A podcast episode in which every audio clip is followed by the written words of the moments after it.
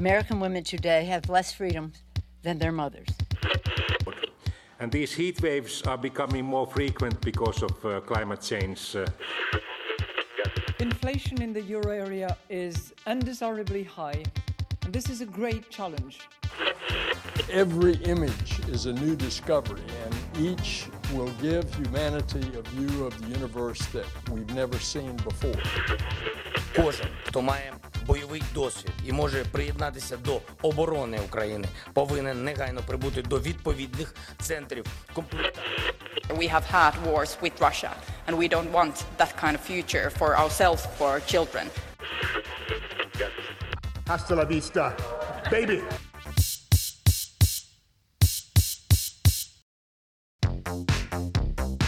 Þú ert að hlusta á heimskviður.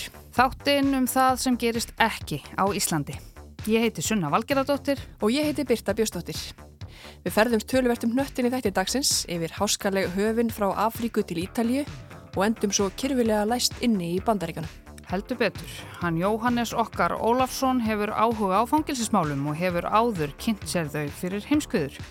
Í byrjun síðasta árs þá fjallaði Jóhannes um fangaflutninga en dönsk fangelsi voru orðin yfirfull að sögn danskra stjórnvalda sem sömdu þá bara um leigu á 300 fangaklefum í Kosovo. Einmitt og þanga voru svo sendir fanga sem voru ekki danskir heldur innflýtendur frá ríkjum utan Evrópusambandsins. Þeim er svo vísa frá Danmörkuðar lókinu af plánun, hugsanlega beint frá Kosovo. Rifum þetta þessu upp því að þetta viðhorf er víðar enn hjá frendum okkur í Danmörku. Þetta er Guðmundur Ingi Þórótsson, formaður afstöði. Þetta er náttúrulega allt pólitíst og, og, og hvaða stefnur uh, flokkarnir eru að taka. Og í, í Nóri voru þetta hægri, hægri aðilar í, í politíkinni mm. sem tók þessu ákvörðun. En í Danmarku er þetta vinstri flokkarnir og þeir hafa tekið mjög hart á innflytjandum og, og það hefur orðið til þess að, að, að, að dönsku fangir sem hafa verið að fyllast að innflytjandum þannig að þeir, eh, það sem þeir eru að gera núna er að, er, er að senda út 300 uh, inflytjendur sem á að vísa úr landi frá Danmörku.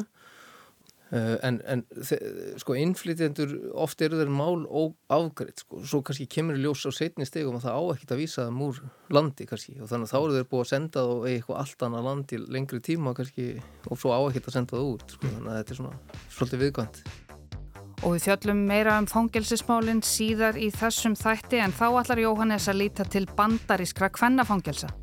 Kvennfangar í bandaríkjónum eru að mestu leiti í, varuð, nú kemur smá enska, því sem nefnist jail en ekki prison. Við eigum ekki góð orð á íslensku sem aðgreinir þessi tvö fyrirbæri en í stuttumáli eru jails smerri fangilsistofnanir og reknar af ríkjónum innan bandaríkjana. En prisons eru yfirleitt mun stærri. Þau eru rekin af allríkinu og hýsa hættulegri glæpamenn. Einmitt, meira þetta er síðarluta þáttanins eins og þú saði svona, en við ætlum að hefja leika í Norður Afríku. Flótamannaströymurinn þaðan yfir miðjararhafið og til Ítalíu hefur fjórfaldast síðan í fyrra og kostað gífurlegan fjölda mannslífa. Orsakaströmsins er að leita í verra ástandi í þessum löndum, engum í Túnis. Og þetta allt saman veldur miklum vandraðum á Ítalíu. Stjórnvöld þar sem hafa á stefnusgráni að draga úr þessum flótamannaströmi hafa líst yfir neyðar ástandi og segjast ekki ráða við þennan mikla fjölda. Almenningur á Ítalíu er klófin í afstöðu til þess hvort flótamennir eigi að fara eða vera. Hallgrimur Indriðarsson skoða máli með aðstóð þeirra sem til þekkja, bæði út frá stöðu flótamanna en líka landsins sem þarf að taka við þeim. Það var nötuleg sjón sem blasti við á ströndin í Kalabríu hérraði á Ítalíu 27. februar síðastliðin. Brak úr bát flautum við ströndina. Tugir flótamanna sem verið höfðu í bátnum sátu í hnibri með teppi utanum sig. Skamt frá var verið að færa lík í pókum upp á pallbíl. Í ljós komað 64 flótamenn létu lífið í þessum bát sem hafði farist tveimur dögum fyrra á miðrarhafinu úti fyrir þessari strönd. Vond var í sjóin og báturinn var yfir fullur, alls 170 voru um borð. Gamalkunnut stef.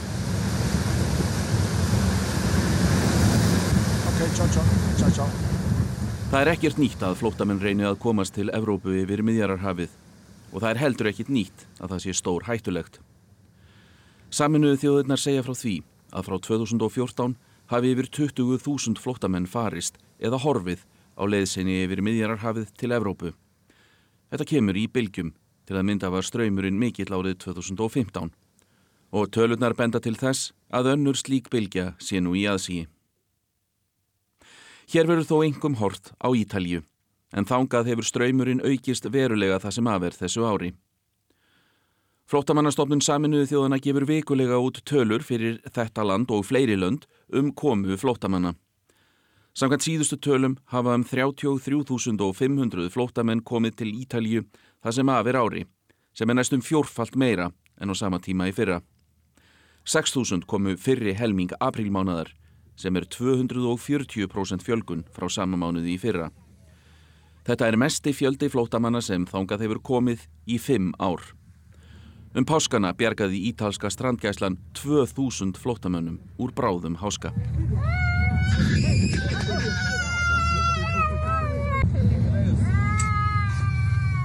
Tveir þriðju þessara flótamanna koma til eigunar Lampedusa. Innviðir eigunar, anna ekki þessum fjölda og aðrir íbúar eru ekki sáttir. Tutti reti rotti che prendiamo dei pezzi di barca di clandestini.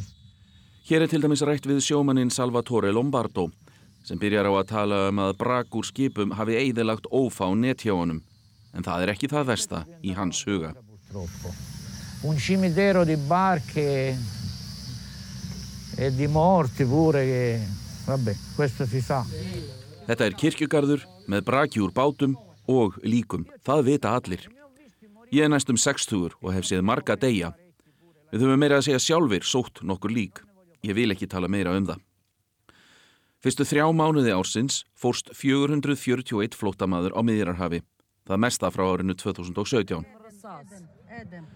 Og hljóðið var ekkert sérstakt í flótamönnum sem danska sjómarpið talaði nýlega við í Lampedusa í gegnum girðingu. Lenni, mm. 13 år. 13 giorni. 13 giorni. Har været her i 13 dage. Heb nakran, heb nakran. Io voglio studiare qua. Heb nakran fi Italia. Ahmed, 15 ára túnisbúi, vil komast í náma á Ítalju og Æman, sem er líka frá Túnis, segir að lífið sé ömurlegt í flótamannabúðunum. Allt sé skítugt og ekkert við að vera. Það sé meira segja erfitt að finna sepstað. Þegar danska sjómarpið var þarna á ferð voru þúsund manns inni í flótamannabúðunum í Lampedusa en höfðu verið mun fleiri nokkrum dögum áður um páskaleitið. Búðunum er aðeins ætlað að hýsa 400 manns. Ítalsk stjórnvöld lístu yfir neyðar ástandi í sex mánuði vegna stöðunar Stjórnöld töldu sig hreinlega ekki ráða við ástandið. Nánarum áhrif strömsins á Ítalju síðar í þessum pisli. Aðal ástæðan fyrir þessari fjölgun er að sögn Alla Viðars Tostensens við stjóra Alþjóðasviðs Rauðakross Íslands fjölgun flótamanna sem koma frá Túnis eins og þeir Ehmed og Æman. Til að setja þetta í svona stærra samvikið þá er þetta bara aukin fjöldi flótafólks í heiminum í ár með við síðast ár og fjöldunni að fara stigvaksandi undanfærandi ár og ef við horfum á bara það sem er að gerast í, í túni sérstaklega, þá er þar tölur fjöldi farenda. Uh, fólk sem hefur annarkor komið til að vinna eða flúið sitt heimaríki og verið í túnis til skemmir að lengri tíma. En þar hefur ástandi verið að versna hratt undanfærið og þar er bæði uh, árið sem áreikja til uh, COVID Úkrænustrísins, hækkandi matavers, aukinar verbolgu Þannig að það er, er vestnandi efnaðarslegt ástand í Túnis, sömulegis politískur óstöðuleiki.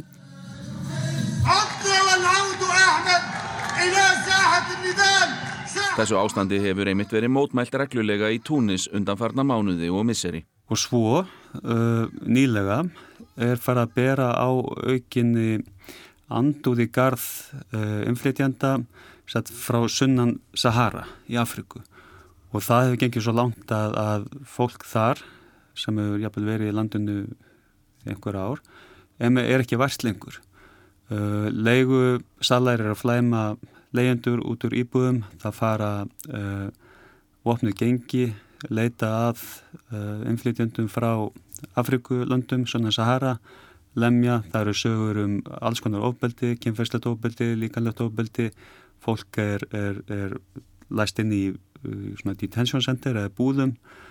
Þannig að ástandið er hvað flótafólk varðar í, í túnis var verulega slæmt og höfðu fara vestnandi og gæti enn vestnandi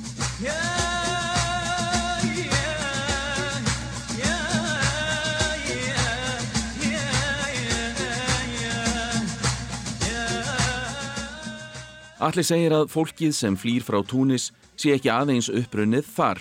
Heldur sé líka frá löndum á borð við Fílabeinströndina Bangladesh og Pakistan, þaðan sem það flýði einnig af því að það gæti ekki verið þar.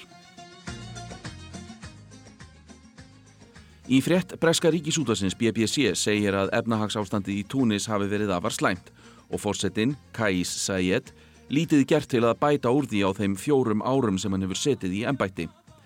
Hann hefur jafnvel sakað innflýtjendur frá ríkjum sunnan Sahara-eðimerkurinnar um að vera uppspretta glæpaöldu.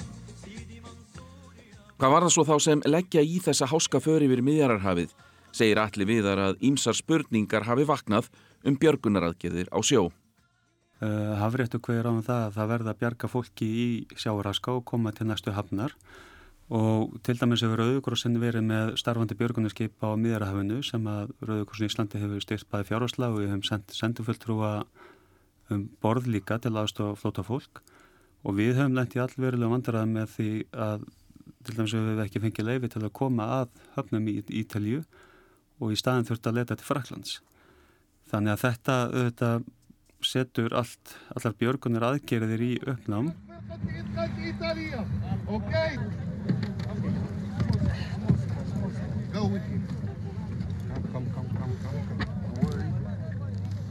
Og fyrir það flótafólk sem um, kemst til Ítalju, það auðvitað mætir þá aukinn anstöðu og maður hafa það í huga að þetta er fólk sem á sér uh, bakgrunn, það hefur þurft að flýja af einnig annar ástöðu og nú jafnvel frá Túnis Þannig að, að sá veruleiki sem að það er að horfast í auðu við í þá nýju landi sem er þá Ítalja getur gert allt mikið erfiðara fyrir þau og afleggingan er eiga og svolítið eftir að koma í ljós. Mannreitindasamtök hafa líka gaggrínt að Ítalir hafi veikt yfirvöldum í Líbíu fjármagn til að koma í vekk fyrir að flótamenn farið þaðan, þrátt fyrir að grunur séum að þessi sömu stjórnvöld séu að fremja alvarleg mannreitindabrót og ofbeldisverk á þegnum sínum. Yfir 100.000 flótamenn hafa verið sendir aftur þangað frá árinu 2017. Allir viðar segir vísbendingar um að strandgæsla í Norður Afríkuríkjum hafi fengið aukna ábyrði að stöðva flótafólk.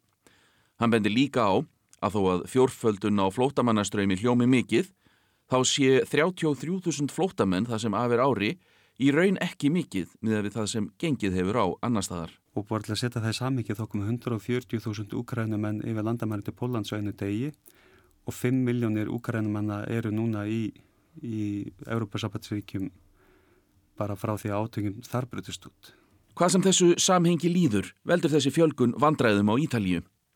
Eftir kostningarnar þar í haust tók við hægri sinnaðasta ríkistjórn sem þar hefur ríkt frá setni heimstyrjöldinni með Giorgio Meloni sem fórsættis á þeirra. Eitt af hennar helstu áherslumálum í kostningabaróttunni var að stöðva þurfti ströym ólögleira innflytjanda til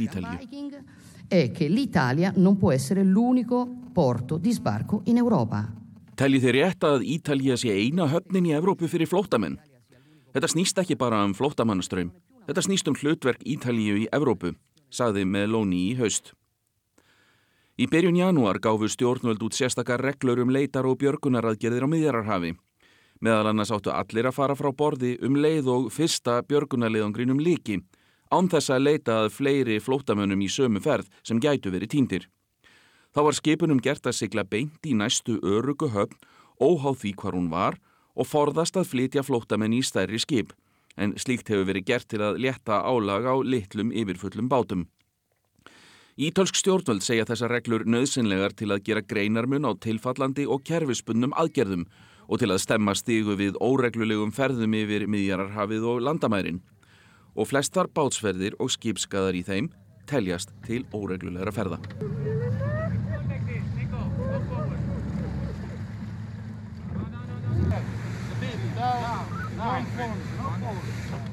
Mannreittindarsamtök og Evrópuráðið hafa gert aðtóasemdir við þetta, ekki aðeins út frá siðferðilegum og mannreittindarlegum sjónarmiðum, heldur líka af því að það sé brot á alþjóðalögum að reyna að stjórna skipum í erlendri eigu sem sigla utan lögsugu Ítalju. Þessum reglum var fyllt með skipið sem fórst í lok februar.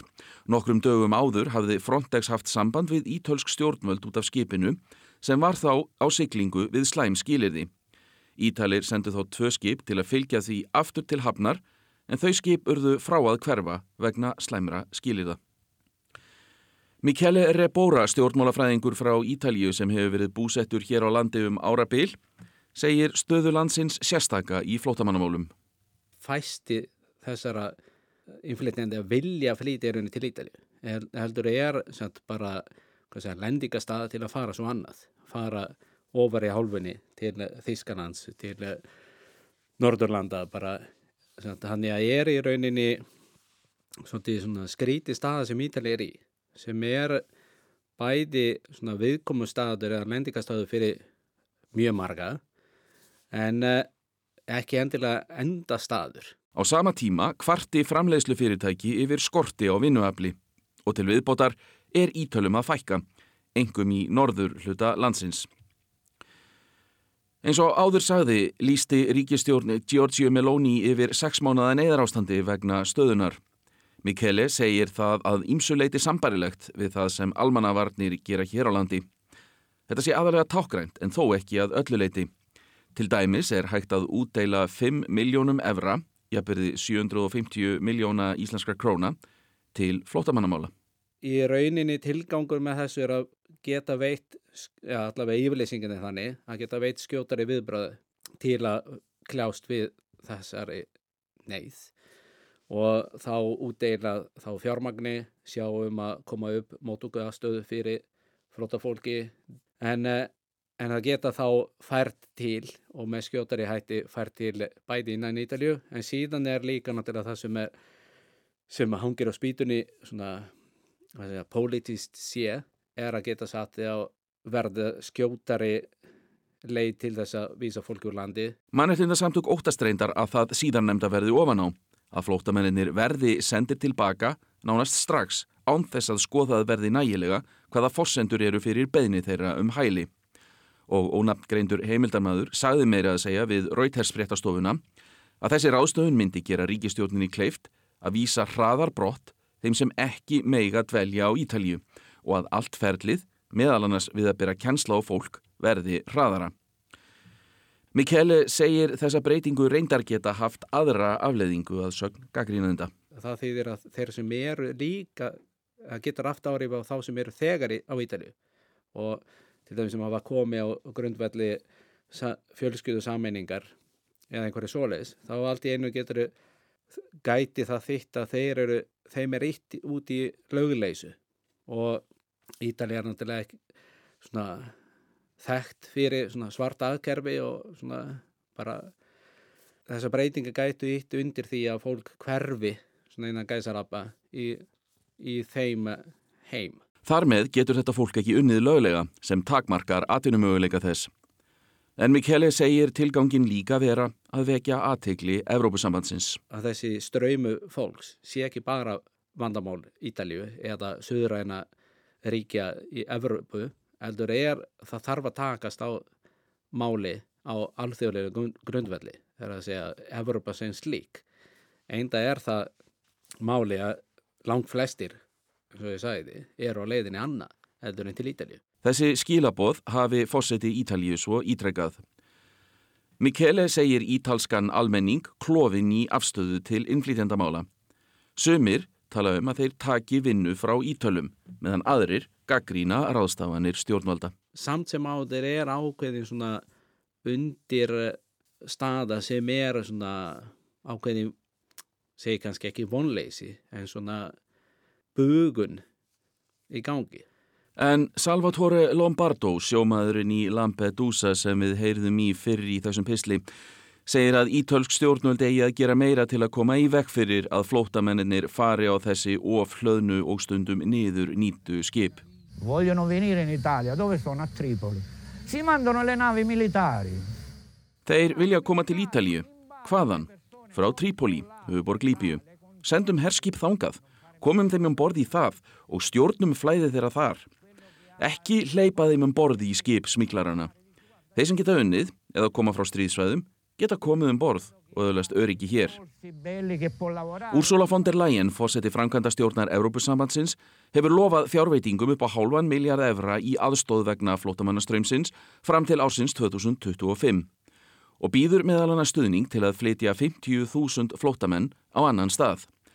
Európusambandið hefur líka sagt að það vilji draga úr flótamannaströymnum í samstarfi við þau lönd sem flótamennir koma helst frá. Engum löndum Norður Afríku, Túnis, Egiptalandi og Líbíu.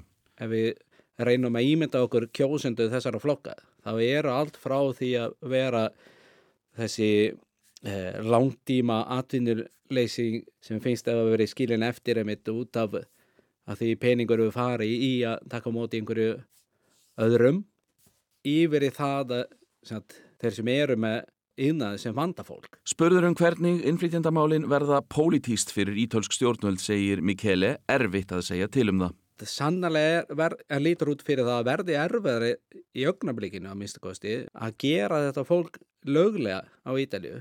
Þannig að það er svolítið erfitt að lesa í akkurat þessar reglugerð. Hver er tilgangur? Fólk vil lang flest bara vera heima á sér en það er eitthvað sem drýfur, drýfur fólk að stað. Það er annarkort mannirtöldabrót, ásóknir, stríðsátök eða bara betur fátaktinn sem er reyku fólk að flótta. Þannig að þetta er neyðar úrræði. Alli viðar segir að lausnin á þessum vanda til lengri tíma sé að grípa til efnahagslegra og pólitískra aðgerða til að auka lífskeiði og hagsæld í þeim löndum sem flótamennir koma frá. Það er alveg ljóst að með auknum fjölda, með auknum ójöfnöði á milli ríkja og innaríkja, það þurfa stjórnvöld og alþjóða samfélagið að stemma stegum við þessu að því að þetta er í allra óhag að það sem mikill fjöldir flóta fólks í heiminn með dag að því að það er alls ekki það sem fólk vil. Fólk vil vera heima á sér og það vantar bara meira aðstofið það að tryggja stöðuleika og aukna velsælt í sín eigin ríki.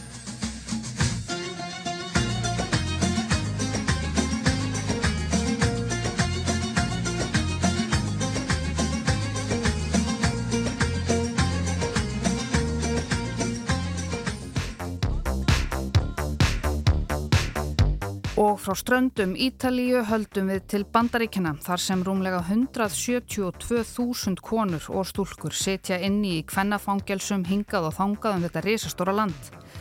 Innan veggja eins þeirra í Dublin Alríkisfangelsinu í Kaliforníu sem er sem sagt prison, ekki jail, hafa fjölmargar konur sagt frá hrikalegri meðferð og ítrekuðu kynferðisofbeldi af hendi fangavarða. Dublin fangelsi er oft kallað nöðguna klúpurinn, the rape club. Misnútkun á fungum og þöggunum það hefur staðið yfir um árabil en flóðgáttinnar hafa verið að opnast undanfarna mánuði. En það sem býður marga þeirra kvenna sem sagt hafa frá, sem eru flestar innflýtjendur eða konur án bandarísk ríkisfangs, er að vera vísað á landi. Jóhannes Ólafsson tekur nú við. Í borðspilum eins og Monopoly eða Matador er einni reytur sem spilarar reyna ítrekkað að forðast, rétt eins og í raunveruleikanum. Fangelsi. Það er líka hægt að lenda þar með því að draga fangelsis spjaldið úr freystið gæfunarbunganum eða fá samstæðu á teningunum þrísvar í röð. Sem sagt, tilviljanakent.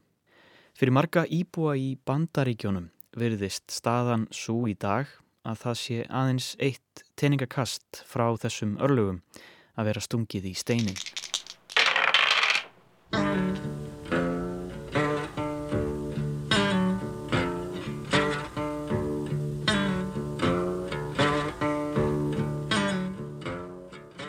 Í upphafi árs 2022 steig fram kona réttliðlega þrítug sem kalla sig Kristall og lísti hræðilegri meðferð og kynferðislegri misnótkun sem hún varð fyrir í Dublin allríkis fangelsinu í Kaliforníu í Bandaríkjónum. Gerendurnir sem hún sagaði um ofbeldið voru allir fangaverðir. Og Kristall er ekki svo eina. Á annan tög þólenda hafa stegið fram síðustu mánuði og sagt frá sambærilegri misbeitingu valds fangavarðana í Dublin. Fangelsi sem fekk viðunefnið Rape Club eða nöðgunar klúpurinn meðal fanga og þeirra sem vita hvað þar gekk á. Eftir afplánun tók ekkert betra við hjá Kristall því í stað þess að hún fengi að snúa aftur til fjölskyldu sinnar hefur hún verið í haldi landamæravarða og býður brottvísunar til Mexiko, lands sem hún yfirgaf sem barn. Well, Lord mercy baby, on my wicked soul. Heimurinn minn hrundi. Ég held ég myndi loksins fara heim og knúsa börnin mín. Segir Kristall í samtali við breska bladið Guardian sem fjallaði ítalegum málið á dögunum. Heimur hennar hrundið þann dag sem fulltrúar innflytjenda, totla og landamærastofnunar bandaríkjana, æs, neftu hana í varðhald og hún heldur áfram Þetta er sárt því ég átti að njóta verndar. Ég treysti þeim og sagði frá því sem ég hefði gengið í gegnum og þetta eru viðbröðin.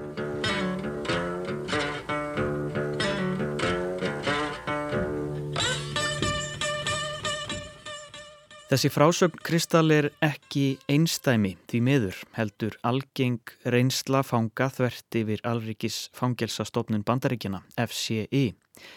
En hverki hefur það verið í áberandi í frettum og í döblin fangelsinu þar sem þetta hefur nú verið þekkt um langa hríð. Döblin Alrikisfangelsið er staðsett skamt frá San Francisco og var tekið í nótkunn 1974. Það var gert að Kvennafangelsi árið 2012 og er eitt af fimm alríkisfangelsum fyrir konur í bandaríkjónum. Það eru hátt í 1000 fangar og afplána flestar konurnar dóma fyrir væg brot. Þar sátu Felicity Hoffman og Lori Lochlin til að mynda inni fyrir svig sem komust upp árið 2019 þegar fjöldi fólks úr efri lögum bandarísk samfélags höfðu áhrif á umsóknarferðli nefenda í marga virtustu háskólum landsins með mútugreðslum. Yfir 50 voru ákerð fyrir að eiga þátt í því framapoti á mentaveginum. En sem sagt, kastljósið hefur undanfarna mánuði beinst að döblin fangilsinu fyrir skelvilega meðferð á föngum. Ákerur á hendur fimm fangavörðum, þar á meðal fangelsis stjóra, sína glögt hver umfangsmikið málið er. Þetta eru flestar ákerur fyrir kynferðisbrot starfsmanna í einu og sama kvennafangelsinu í bandaríkjónum. Og þetta hefur viðgengist lengi. Verðir í fangelsinu eru nær allt saman karlar og hafa margir hverjir notfært sér valdastöðu sína kerfisbundið til að brjóta á konum, þakka niður í þeim með hótunum og hafa svo logið til þess að hilma yfir brotin sem oftast var beintað innflytjandum eða konum án bandarísks ríkisfangs. Örlög fjölmarkra þeirra sem hafa sagt frá reynslu sinni af kynferðisóbeldi innan vekja fangelsisins eru hreinlega brottvísun úr landi. Tögum hvenna hefur verið vísað úr landi eða býða þess að yfirgefa bandaríkin og því hefur verið framfyllt þrátt fyrir mótmæli lögmanna hvennana sem segja að vegna stöðu þeirra sem þólendur kynferðisóbeldis eða vittni að því eigi þær rétt á að fá kvittað upp á svo kallað U-vísa sem ætti að vera greiðar í leið til þess að hljóta ríkisborgararétt eða að minnstakosti tímabundið dvalar og atvinnuleifi. Tilgangur þess áttar U-vísa er að hvetja þólendur brota til að stíga fram einmitt án óta við að vera vísað úr landi. Stór hópur lögfræðinga og aðgerða sinna hefur barist fyrir því að gerðar verði úrbætur á þessu. Þau segja að 26 af þólendum býði brottvísunar.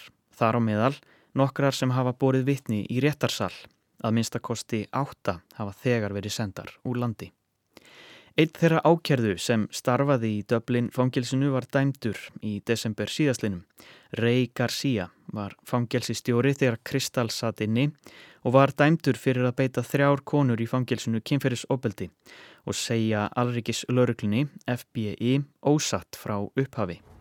Former FCI Dublin warden Ray Garcia let out a sigh when he heard the first verdict. A jury found him guilty on three counts of sexual abuse of a woman jailed at FCI Dublin, guilty on four counts of abusive sexual contact, and guilty of lying to the FBI. Garcia is the highest ranking prison official ever to be convicted of sex crimes. Áður en hann var handtekinn helt hann námskeið í fangelsinu sem höfðu það markmið að koma í veg fyrir kynferðisbrot innan vekja þess. Þrýr aðrir fangaverðir hafa játað á sig sambarileg brot og sá fjórði býður réttarhalda. Eitt þeirra sem játuðu var á lista Kristall yfir gerendur en þrýr hafa ekki verið kerðir. Þetta er bara toppurinn á ísjakanum virðist vera því fjölmörg skráð kynferðisbrot er að finna í gögnum Dublin fangelsisins. Áratugir af yfirhilmingu og þökkun. Kristal var aðeins 15 mánada þegar móðir hennar fluttist með hana frá Mexiko til Kaliforníu og hefur hún aðeins nokkurn sinnum farið þangað aftur og þá í frí. Hún bjófið gengdarlust líkamlegt og kynferðislegt ofbeldi í æsku af hendi stjúpföður síns og á fullónis árunum mátt hún líka þóla heimilisofbeldi. Og að afplánun lokinni í Dublin er Kristal á leið aftur til Mexiko en ekki í frí. Í stað þess að fara heim til San Bernardino í Kaliforníu byðu hennar fulltrúar frá ICE sem handtóku hanna og tilkynntu henni um brottvísununa.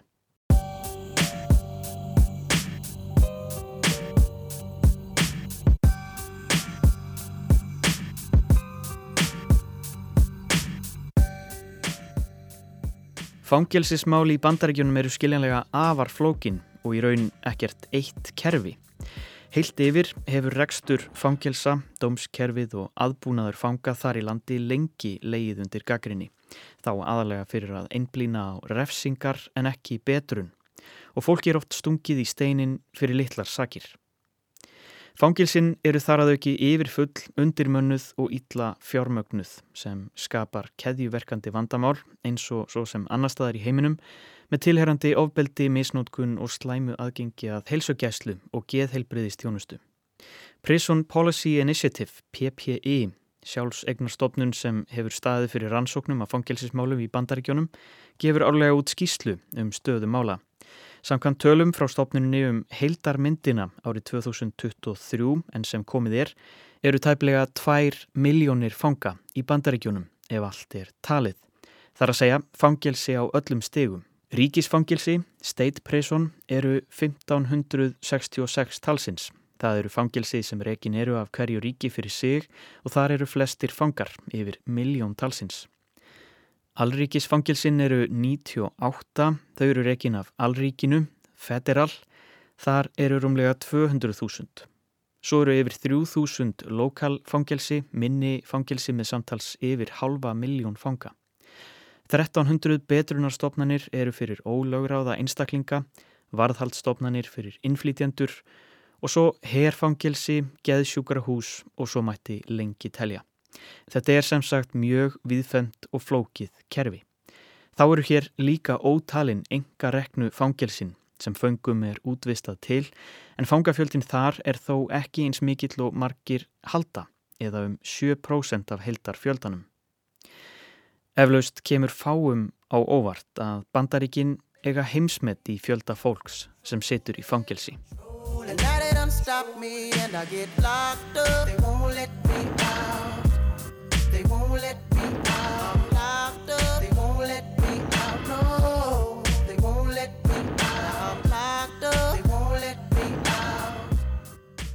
Svo eru það félagslegu afleiðingarnar. Hlutfalslega kemur fangelsiskerfið langverst niður á minnihlutahópum og jaðarsettum einstaklingum og svartir og fólk af latneskum uppruna er mun líklæri til þess að hljóta þingri dóma en hvít fólk fyrir sömu glæpi. Þá hafa fátakari lög samfélagsins ekki efni á sömu lögfræði þjónustu og hinn er ríkari sem getur leitt til verri útkomu þegar að farið er í gegnum flókið dómskerfið. Þetta er gömul saga og hefur lengi verið barist fyrir úrbótum á kerfinu og kallaði eftir því að rekstraformi bandarískra fangelsa verið breytt og að úrræðum verið fjölgað með aukinni áherslu á beturum. Well, down, breathe,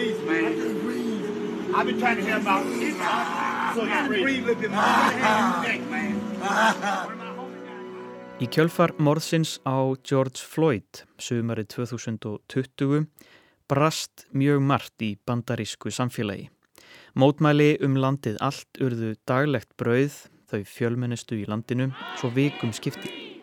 Ákallum úrbætur í löggæslumálum urðu gríðarlega háværar og meira segja náði upp á yfirborðið reyfing þeirra sem vilja draga úr fjárútlátum til lauruglunar. Defund the Police var og er þeirra slagord. Eða þau vilja í það minsta forgangsraða fjármunum til samfélagsins öðruvísi.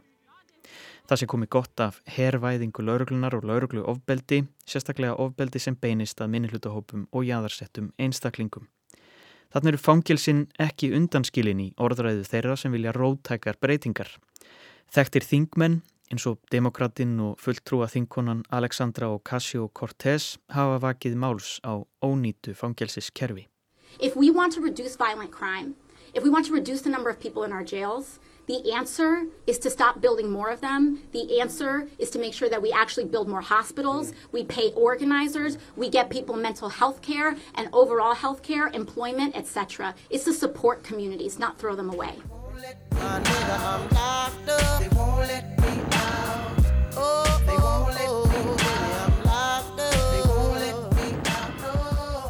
En aftur að málinu í Dublin alríkis fangilsinu.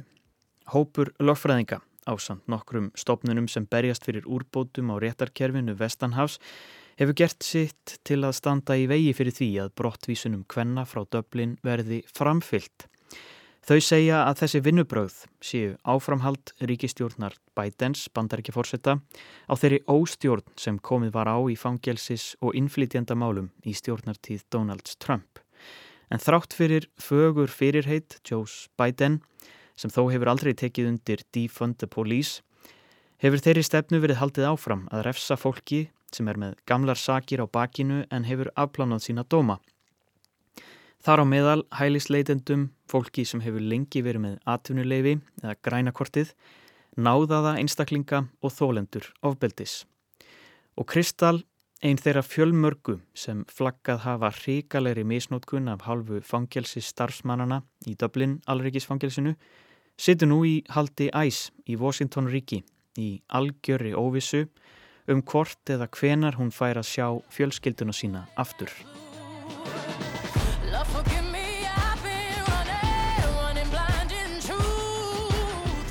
Það verður seint sagt að brotalamirnar á hurðum bandarískra fangelsa séu margar en aðra sögu er að segja um kerfið sem heldur utanum þau og aðbúnað margra þeirra sem þar dúsa.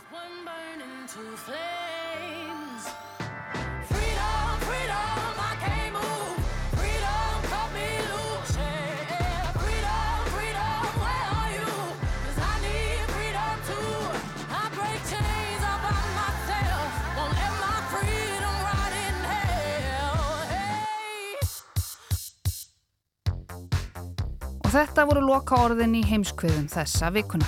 Við verðum hér aftur á sama tíma í næstu viku. Takk fyrir að hlusta.